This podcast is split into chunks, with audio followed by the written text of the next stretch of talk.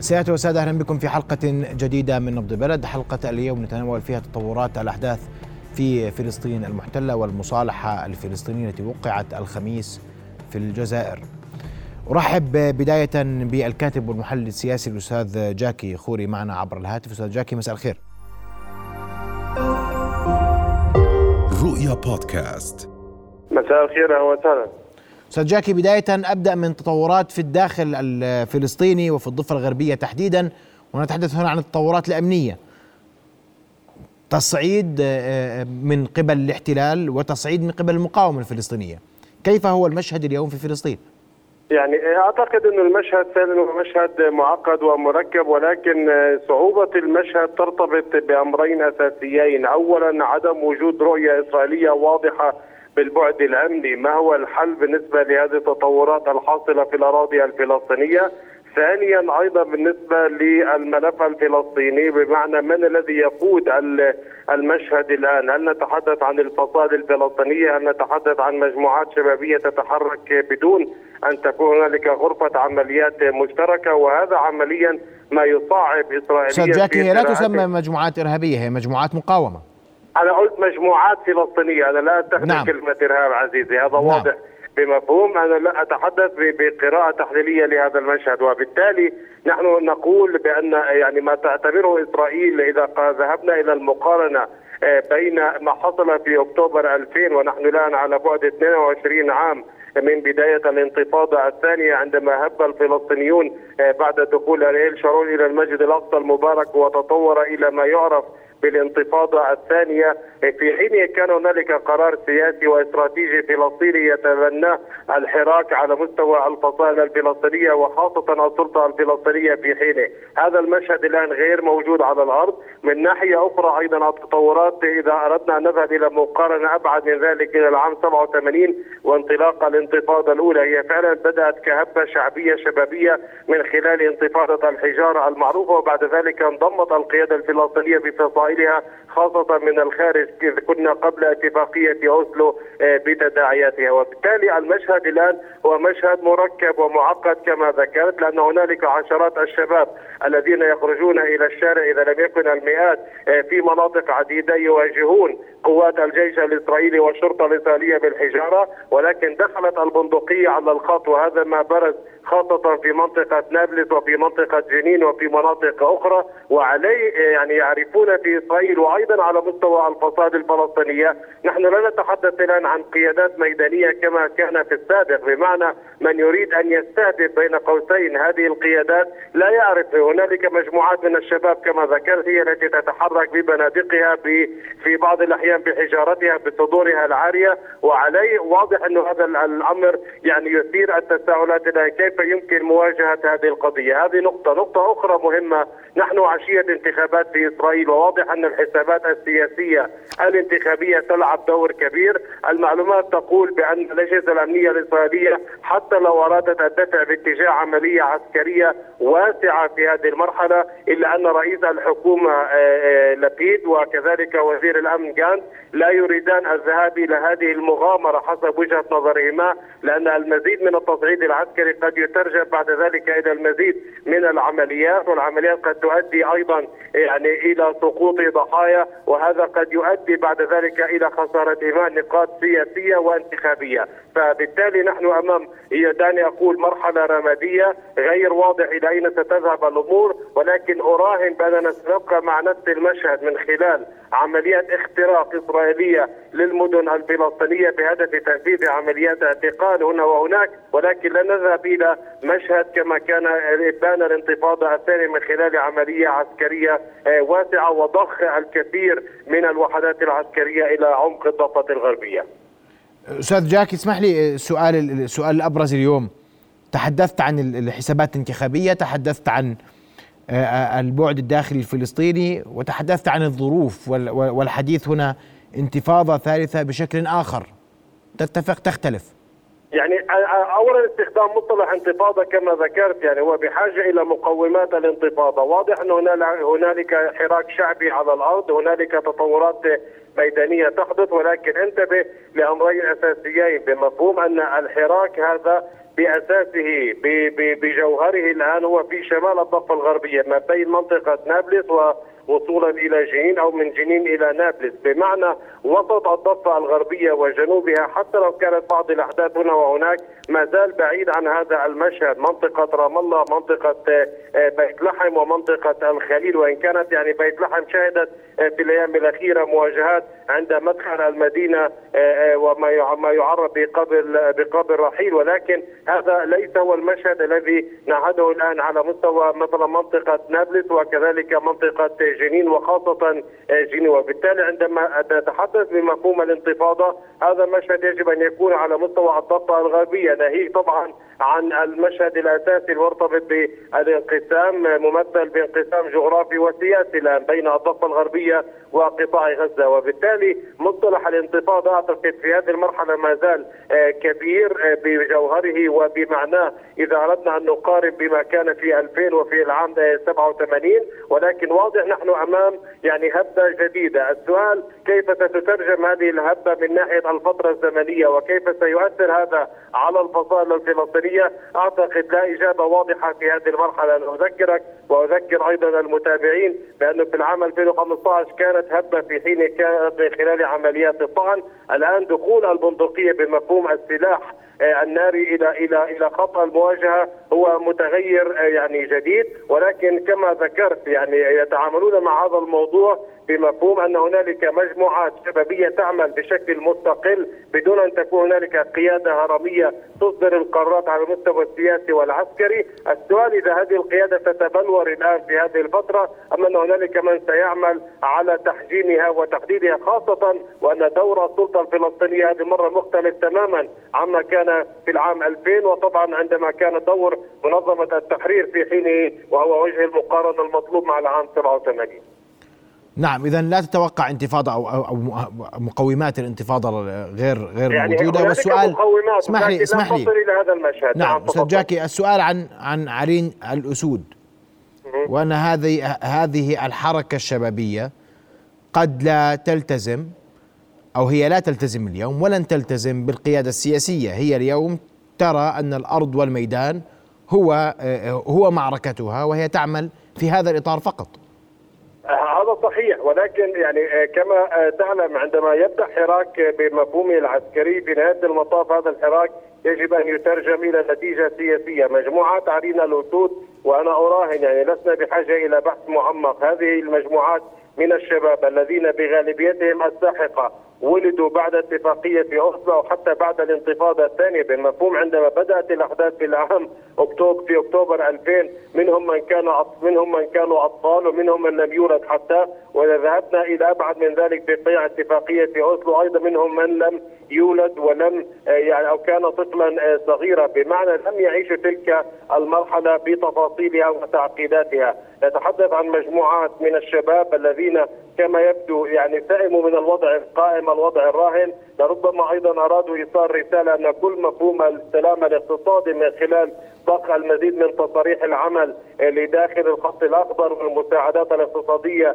لا يمكن أن تأتي بإجابة. ولكن في مرحلة ما هذا هذا الحراك يعني نسميه عرين الأسود نسميه أي اسم آخر يجب أن يترجم إلى أمر سياسي. وقد يكون هذا الأمر السياسي ليس فقط حيال المشهد أو الموقف الإسرائيلي وإنما حتى داخليا على مستوى الفصائل وحتى على مستوى السلطة الفلسطينية، من الصعب في هذه المرحلة أن نتحدث عن مجموعات يمكن أن تؤثر استراتيجيا على المدى الطويل، واضح أنها فرضت نفسها. هنالك من ينتظر بياناتها حتى على المستوى الإسرائيلي. هنالك من يتابع التحركات والنشاط. ولكن في نهاية المطاف لا نتحدث عن مجموعة يعني لها قيادة سياسية واضحة وهذه القيادة تستطيع أيضا أن تمدها بالمساعدات والمعونات وأمور أخرى لوجستية وغير لوجستية في نهاية الأمر نحن نتحدث عن مجموعات شبابية يحملون البنادق يريدون أن يعبروا عن موقف ويواجهون دولة بالمفهوم العسكري قد تكون يعني دولة عظمى من ناحية التقنيات والاستراتيجيات وكذلك نعم. الترسانه العسكرية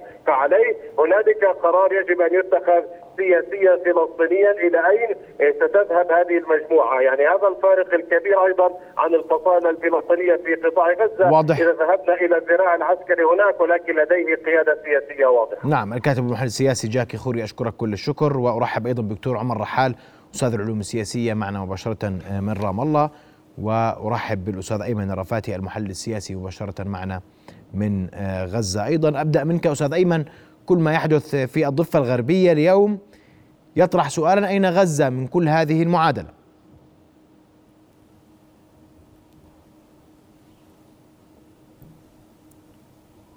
أستاذ أيمن. المشاهدين الكرام لا شك.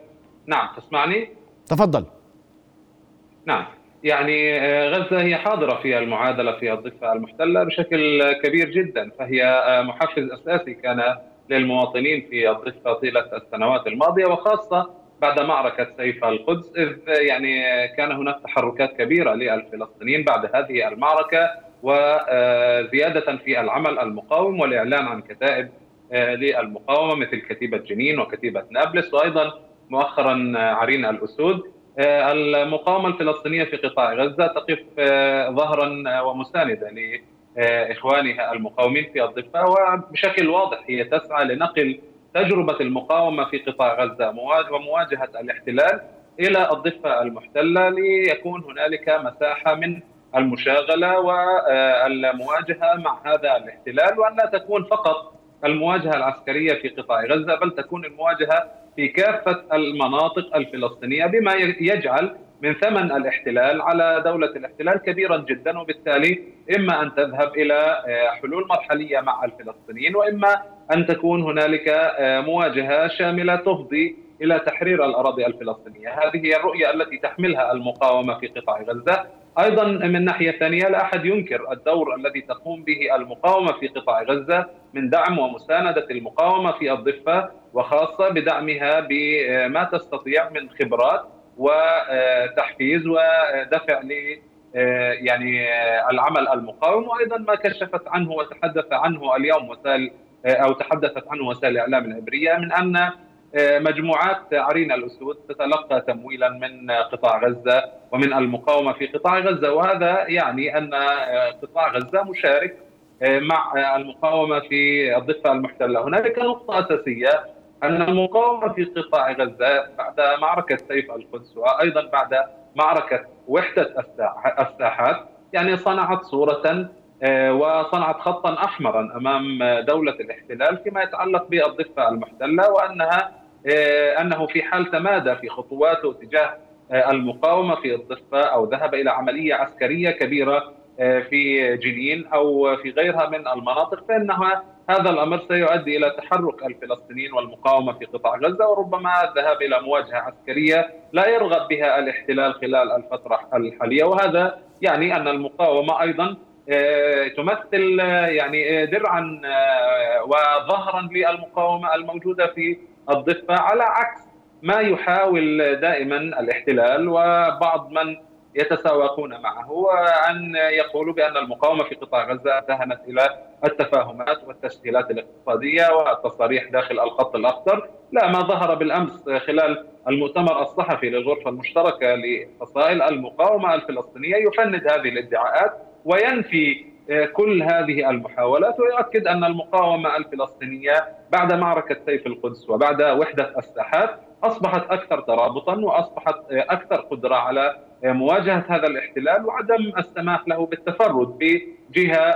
دون جهة أخرى. وهذا ما يشير إلى أن المقاومة في الضفة المحتلة ستكون خلال الفترة المقبلة مؤهلة لتطورات جديدة لزيادة في بنيتها تجاوز الأزمات والسياسة الإسرائيلية المتمثلة بسياسة جز العشب وأيضا تجاوز الدور السيء والسلبي الذي تقوم به السلطة الفلسطينية. وهذا يعني أننا خلال الفترة المقبلة لا أقول أننا أمام انتفاضة فلسطينية ثالثة بل تطور في العمل وتطور نوعي في العمل المقاوم في الضفة وهو ما يعني تكلفة أمنية كبيرة على الاحتلال وهذا يعني أن خيارات الاحتلال في التعامل مع الملفات وخاصة ملف المواجهة العسكرية مع قطاع غزة ستكون أكثر تعقيدا لأن تصريحات افيف كوخافي رئيس هيئة الأركان بالأمس أشارت بشكل واضح إلى أن أنه قد نشر نصف قواته في الضفة خلال الفترة الحالية للسيطرة على الوضع وهذا يعني أن هنالك خوف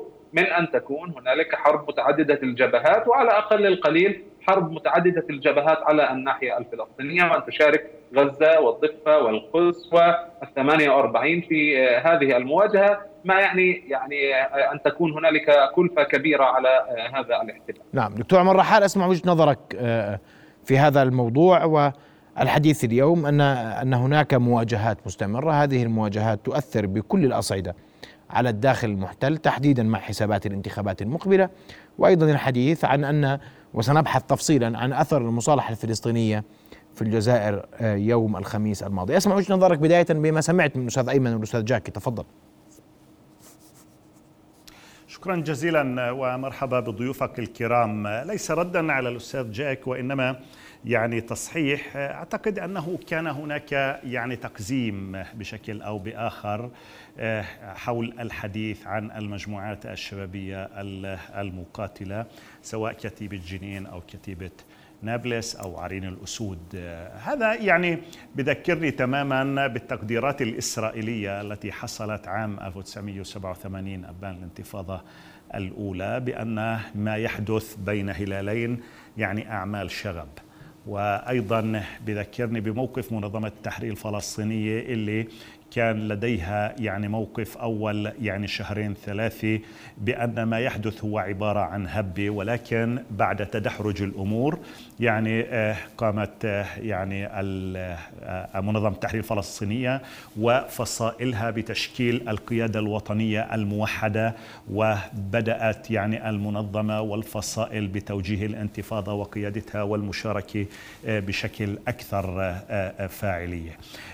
يعني التصعيد يعني حاصل في الضفة الغربية من جنين شمالا حتى الخليل جنوبا في ال 11 محافظة. طبعا غزة هي ليست بعيدة ولكن أنا هنا أتحدث عن الضفة الغربية. أولا علينا أن نتذكر بأن الانتخابات الإسرائيلية اقتربت في نوفمبر القادم وبالتالي الحالة الفلسطينية والدماء الفلسطينية أصبحت ضمن البازار الانتخابي. لبيد هو صحفي إسرائيلي ليس له أي سجل عسكري حافل. هو يريد أن يقول للإسرائيليين بأنه يستطيع أن يوفر الأمن. يفتح جبهة في غزة يستبيح آه، يعني الضفة الغربية ويقوم بالهجوم على سوريا ويعقد يعني اتفاقية لترسيم الحدود مع لبنان ويعني آه، التطبيع يسير على ما يرام لأنه آه، يعني كبرى الصحف الإسرائيلية. بالإضافة إلى مراكز البحث تقول بأن الإسرائيليين فقدوا أمنهم الشخصي وبالتالي يعني هناك سيكون هناك تصعيدا إسرائيليا غير مسبوق في الأراضي الفلسطينية المحتلة. لكن قطعا سيواجه هذا التصعيد أيضا صمودا ومواجهة ومقاومة فلسطينية سواء كانت مسلحة كما في مدينة جنين ومخيمها على وجه التحديد أو في مدينة نابلس أو في رام الله أو في عديد من مدن الضفة الغربية. هذا بالإضافة إلى الموقف الشعبي. مرة أخرى أنا أعتقد أن هناك حاضنة شعبية ليس صحيحا بأن هؤلاء الشباب على صغر سنهم وتجربتهم الحديثة لكن يعني علينا أن نؤدي لهم التحية أنه في الوقت الذي يعني تم الاستغناء عن السلاح من هنا أو هناك وأسقطت كلمة الكفاح المسلح من كل الأدبيات آه، آه، آه، لمنظمة التحرير الفلسطينية في الست وتسعين. هؤلاء الشباب الآن يعيدون إلى هذا المربع ويقول لنا بأن لا يفل الحديد إلا الحديد وأن القوة مقابل القوة لأنه ما يحدث في الأراضي الفلسطينية المحتلة من انتهاكات جسيمة لدولة الاحتلال من قتل وتشريد وتطهير عرقي واستباحة واحتلال وتدنيس للمقدسات وقتل وإعدامات يعني تقول بأن يعني هذه عبارة عن الرافعة حقيقه لهؤلاء الشباب بأن يكون هناك تصدي وأن يكون هناك مقاومة، صحيح إسرائيل دولة آه، آه، بالمعطيات يعني العسكرية والأمنية أكبر وأقوى منا بكثير، ولكن هذا معناه بأن الفلسطيني لن يسلم وأن الفلسطيني اليوم أكثر من أي وقت مضى آه، مستعدا للنضال والقتال في الوقت الذي يعني سقطت به التسوية وكل التطمينات وكل الأحاديث وكل التنظير الذي كان أبان أوسلو 93 وبعد تشكيل السلطة الوطنية الفلسطينية 94 سيكون هناك سنغافورة وسيكون هناك رفاها اقتصاديا وسيكون هناك دولة بعد انتهاء المرحلة الانتقالية في 4 5 عام 1999 لم نرى ذلك تماما كفلسطينيين وبالتالي يعني أيضا الفلسطينيين هذه الأيام يعني سائموا أيضا ليس فقط هؤلاء الشباب وإنما أيضا شعبنا سئم هذا الوضع الكارثي الذي نعيشه عدد الشهداء الذين يسقطون يوميا يعني كبير جدا جدا. الجرحى وال والاعتقالات اليومية والاستباحة والمنع منع حرية الحركة والتنقل الانتهاكات الجسيمة هدم البيوت تدنيس المسجد الأقصى عدم وصولنا للقدس.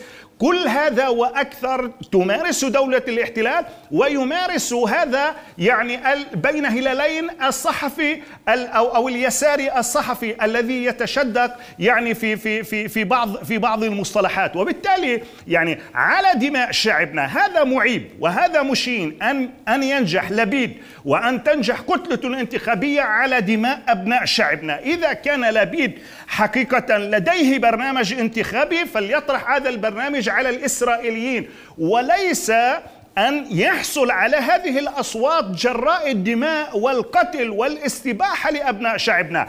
يعني هذا هذا عيب وهذا مشين إذا نجح وإذا جاء بعديد. من المقاعد في الكنيسة الإسرائيلي سيكون من خلال دماء شعبنا وسيكون يعني نتاج هذه الانتهاكات الجسيمة التي تمارسها دولة الاحتلال بحق أبناء شعبنا.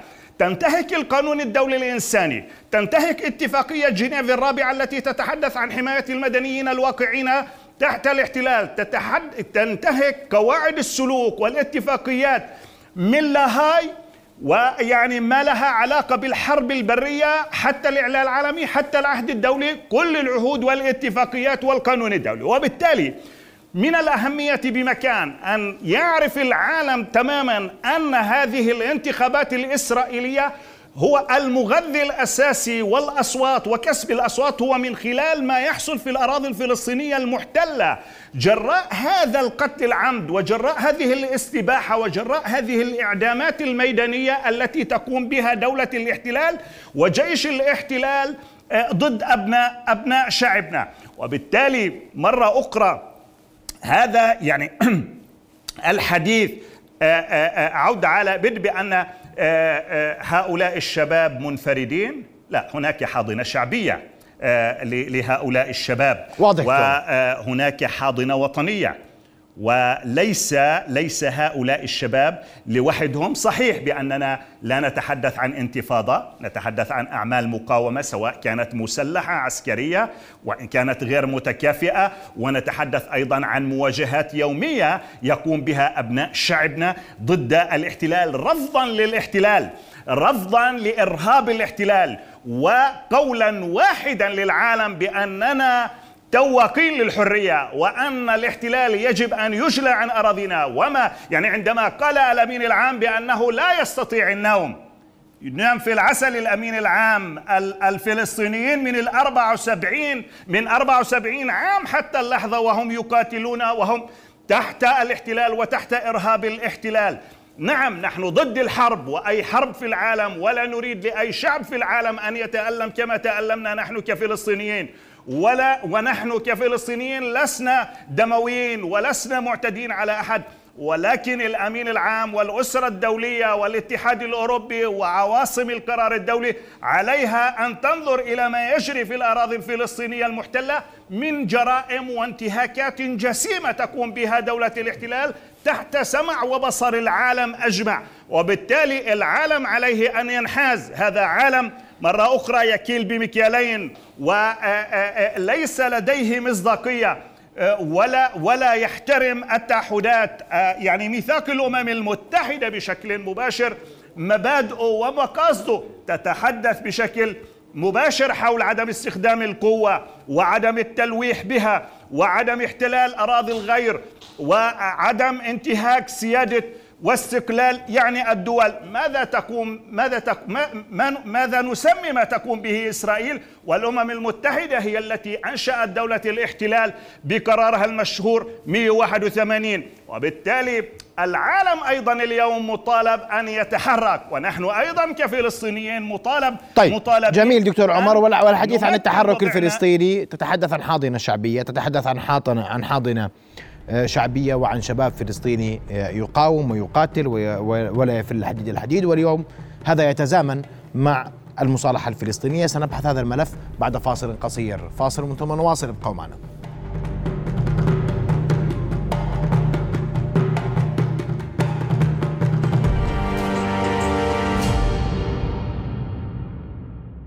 نواصل حوارنا وضيوفنا الكرام. وعود للأستاذ أيمن الرفاتي من غزة. أستاذ أيمن مصالحة جديدة تضاف إلى سلسلة مصالحات إن صح التعبير والسؤال هل يمكن لهذه المصالحة في الجزائر أن ترى النور؟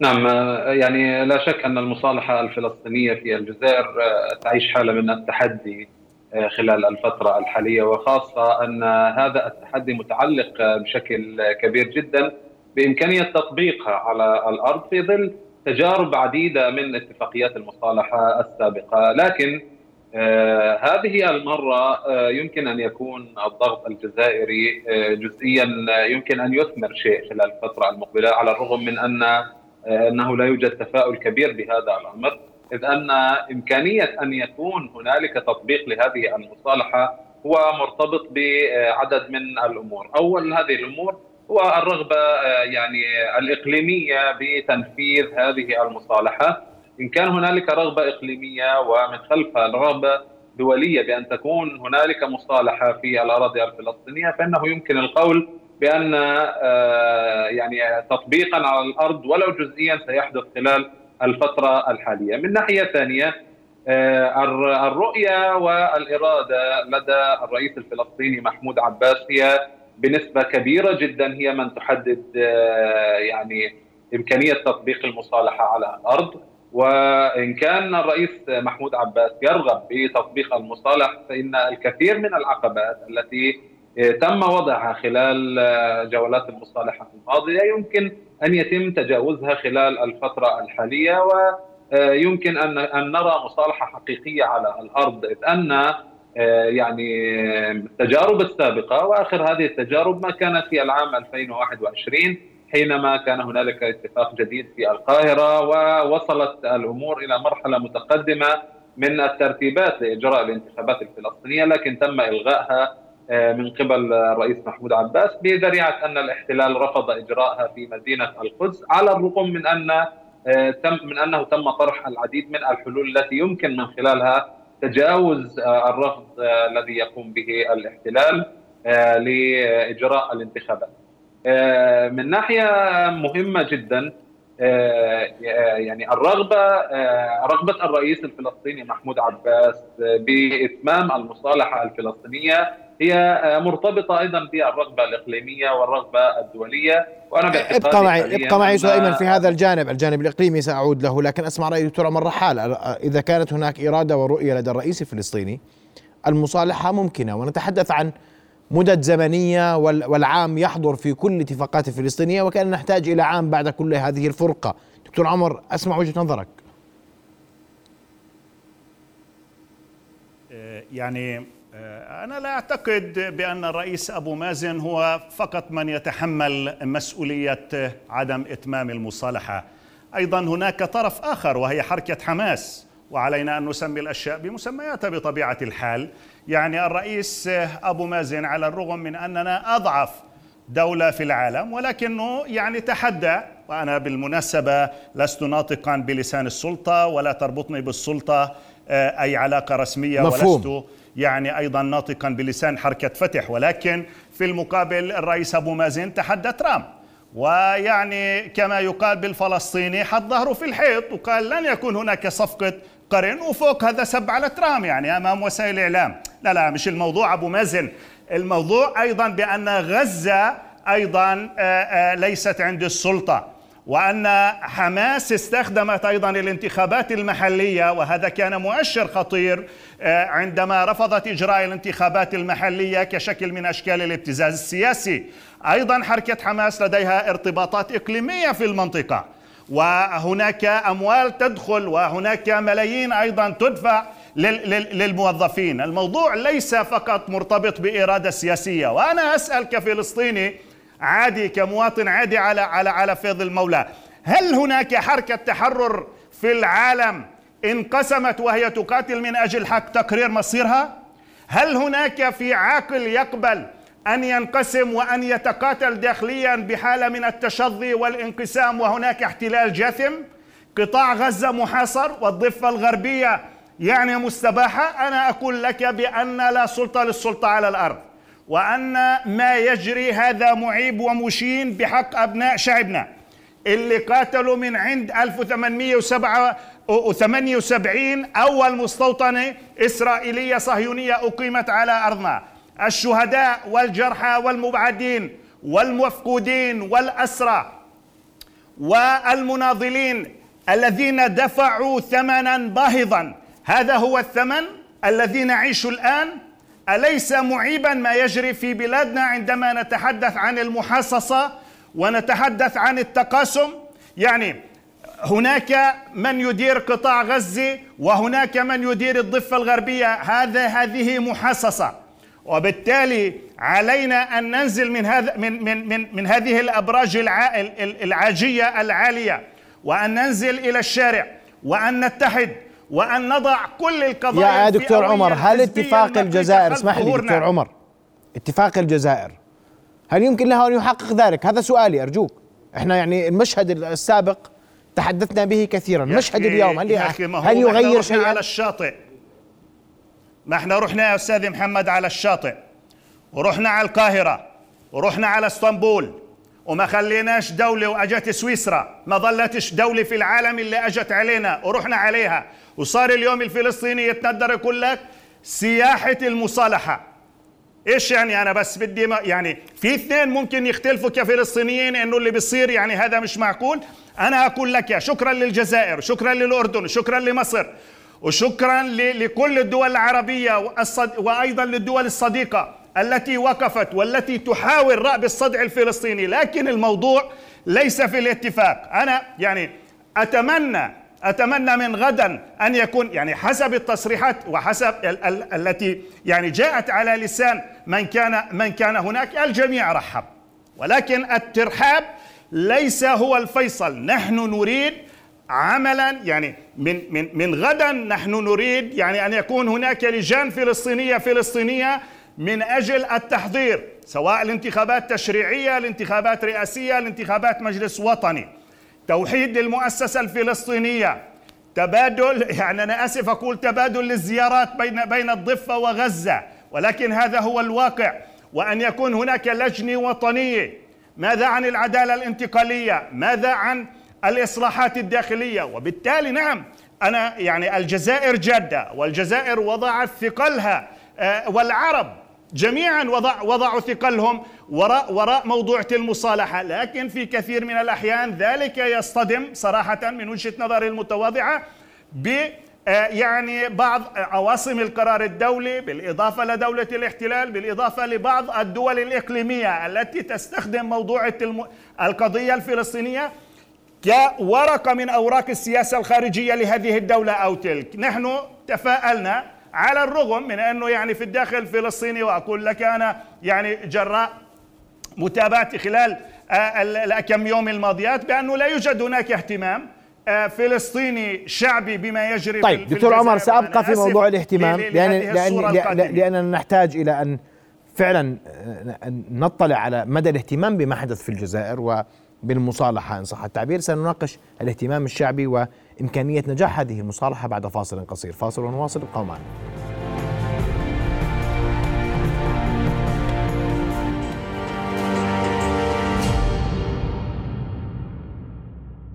نواصل حديثنا حول التطورات في فلسطين ونتوقف عند المصالحة الفلسطينية. ومعنا عبر الهاتف النائب السابق الأستاذ محمد الحجوج. أستاذ محمد سؤالي عن مدى قدرة هذه المصالحة الفلسطينية في الجزائر على النجاح والانعكاس على الأرض مباشرة. مساء الخير. مساء النور.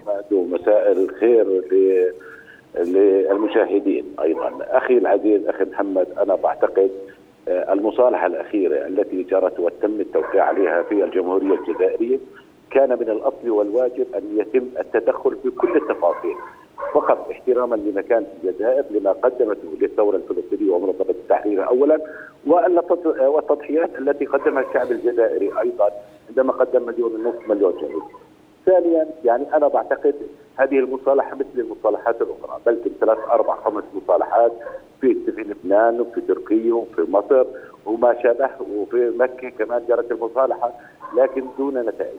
لكن أنا أنا بعتقد باعتقادي الجازم إنه دلائل على ذلك إنه ما جرى من توقيع في الجزائر كان هناك نوع من حالة الثبات لدى الكل الفلسطيني سواء بالضبط ولا في قطاع غزة وعدم اهتمام أيضا للتوقيع الذي جرى للمصالحة. دلاله على ذلك. الشعب الفلسطيني كان مهتم بالشاب الذي قام في عملية شعفاط أكثر من اهتمامه في المصالحة وهذه المصالحة تختلف عن المصالحات السابقة. فلذلك إذا كان هناك إرادة لكل الكل الفلسطيني وللفضائل الفلسطينيه وأنا بعتقد انه الرئيس الفلسطيني محمود عباس كان جازما وكان حازما بتوجيهاته لوفد حركة فتح الذي كان يمثل السلطة ويمثل حركة فتح في هذه المصالحة بإجراء مصالحة فعلية وحقيقية. لكن أيضا الاختلاف على الرتوش سبب الكثير من الإشكالات والمشاكل بطريقة أخرى، هناك برنامج وطني فلسطيني يجب أن يكون للكل الفلسطيني، هناك آه، منهاج يجب بعيد عن حالة التخوين وحالة الكلام الذي يتم التحدث فيه من البعض الفلسطيني من الفصائل، فلذلك للوصول إلى مسيرة إيجابية.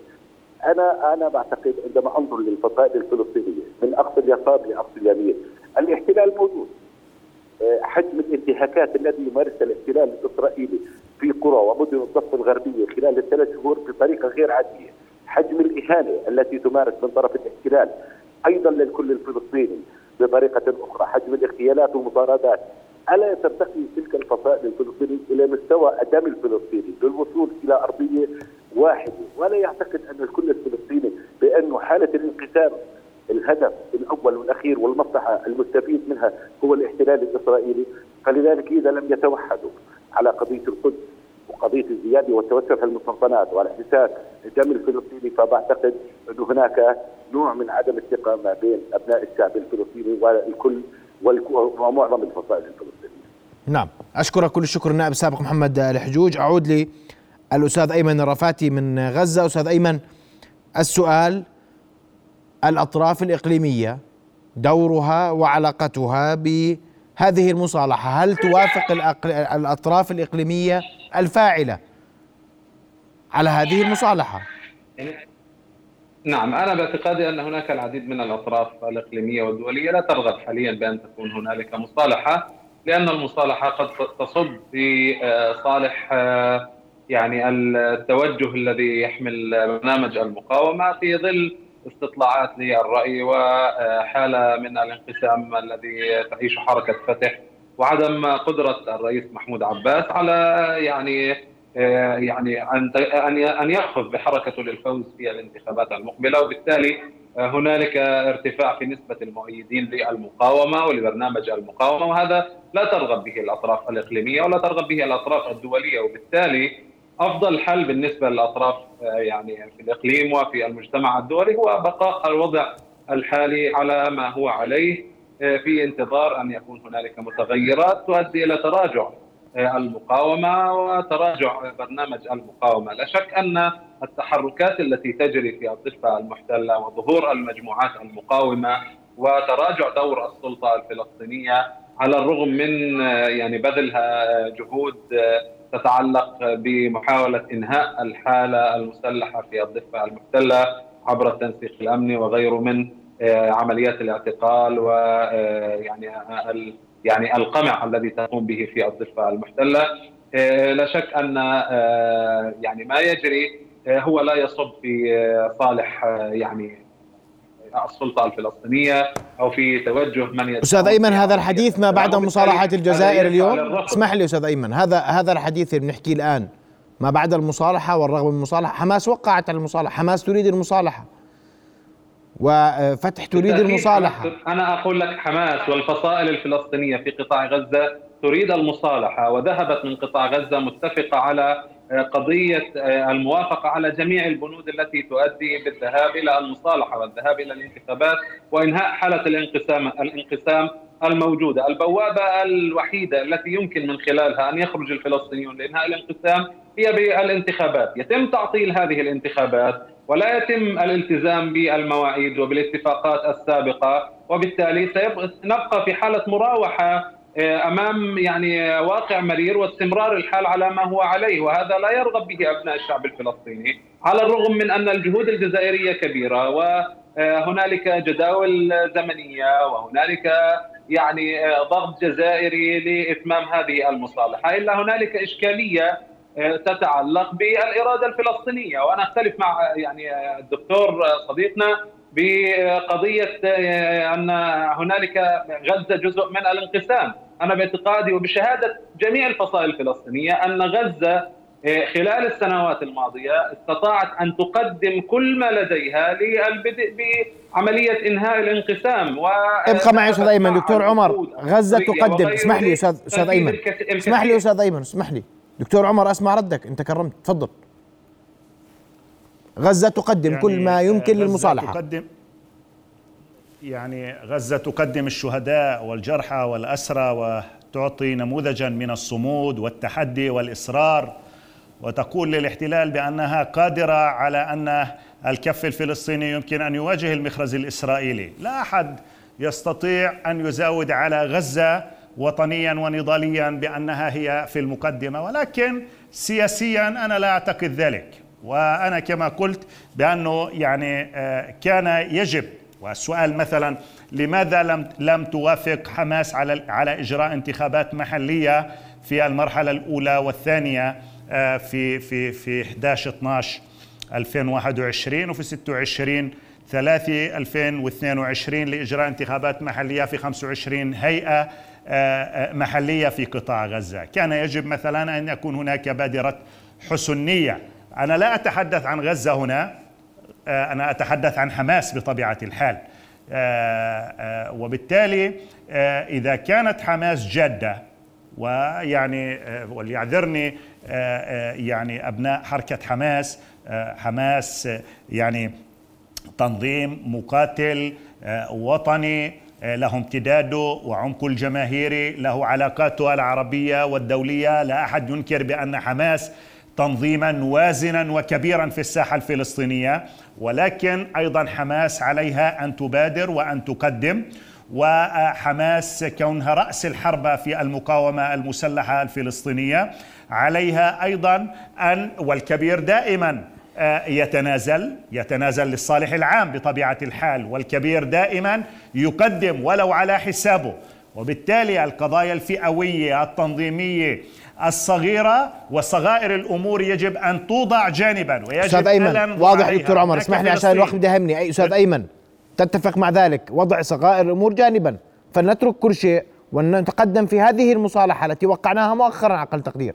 هكذا يقول الكل فلسطيني أنا أطلب أنا أطلب من الدكتور الفاضل أن يعطينا وصفة يمكن من خلالها أن نخرج من هذا المأزق. دون أن تترك المقاومة الفلسطينية سلاحها ودون أن تعترف بشروط الرباعية التي يضعها الرئيس محمود عباس كشرط رئيسي لتشكيل الحكومة الفلسطينية الجديدة أو حكومة الوحدة. وكما حدث خلال آه، يعني المباحثات التي جرت في الجزائر ورفض الرئيس محمود عباس أن يتم الإشارة إلى أي حكومة فلسطينية لا تعترف بشروط الرباعية وهي هذه الشروط المجحفة التي آه، يعني تتعارض مع برنامج المقاومة، تتعارض مع توجهات وتطلعات الشعب الفلسطيني. يجب أن يكون هنالك خلال الفترة المقبلة تنازلا ليس من المقاومة وتنازلا ليس ممن ضحوا وقدموا آه، دماءهم وواجهوا هذا الاحتلال، بل التنازل يجب أن يكون من ممن فشل برنامجه من خاض يعني المفاوضات واتفاقية أوسلو لأكثر من 25 عاما ولم يستطع أن يحقق شيء، عليه هو أن يتنازل، عليه هو أن دكتور عمر عليه هو واضح أستاذ أيمن دكتور عمر. الانتخابات ليرى هل البرنامج موافق عليه أم لا. دكتور عمر. أستاذ محمد أنا لم أقل تنازلا لإسرائيل التنازل داخلي. نحن لم نتحدث عن سلاح المقاومة ولا أحد يطلب من حماس والجهاد والجبهة الشعبية وكل فصائل المقاومة الاعتراف بإسرائيل أو القبول بالشروط الرباعية. أو الاعتراف بأي شيء من شأنه أن يهدد مصالحنا. لا أحد يتحدث عن ذلك. أنا أتحدث عن التنازل الداخلي. نحن نتنازل لبعضنا البعض وهذا ليس تنازل بل إكبار لبعضنا البعض إكبارا للشهداء والأسرى و و و لكل المناضلين الفلسطينيين. ويجب ألا يحرف ما قلته ويجب ألا يعني أقول ما لا أقوله. أنا تحدثت عن التنازل الداخلي. نحن كفلسطينيين نتنازل لبعضنا البعض.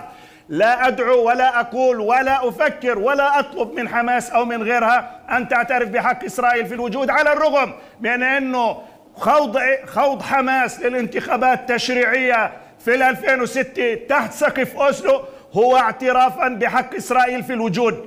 وكان على حماس ألا تذهب لهذه الانتخابات تحت سقف أسلو. واضح دكتور عمر دكتور عمر اسمح لي الوقت الوقت داهمنا اسمح لي يا دكتور عمر. الانتخابات وبالتالي لا أحد بدي أشكرك كل الشكر دكتور عمر رحال أستاذ العلوم السياسية. كنت معنا مباشرة. من رام الله وأشكر أيضا أستاذ أيمن الرفاتي المحلل السياسي كان معنا من آه، غزة. إلى هنا مشاهدينا وصلنا لختام حلقة الليلة التي ختمناها بالحديث عن المصالحة وهذه المصالحة التي وقعت يوم الخميس التي نأمل جميعا أن ترى النور ولكنها على ما يبدو لن ترى النور وفق ما تابعنا على أقل تقدير خلال لحظات. مشاهدينا هنا وصلنا لختام حلقة الليل. نلتقي غدا. رؤيا بودكاست.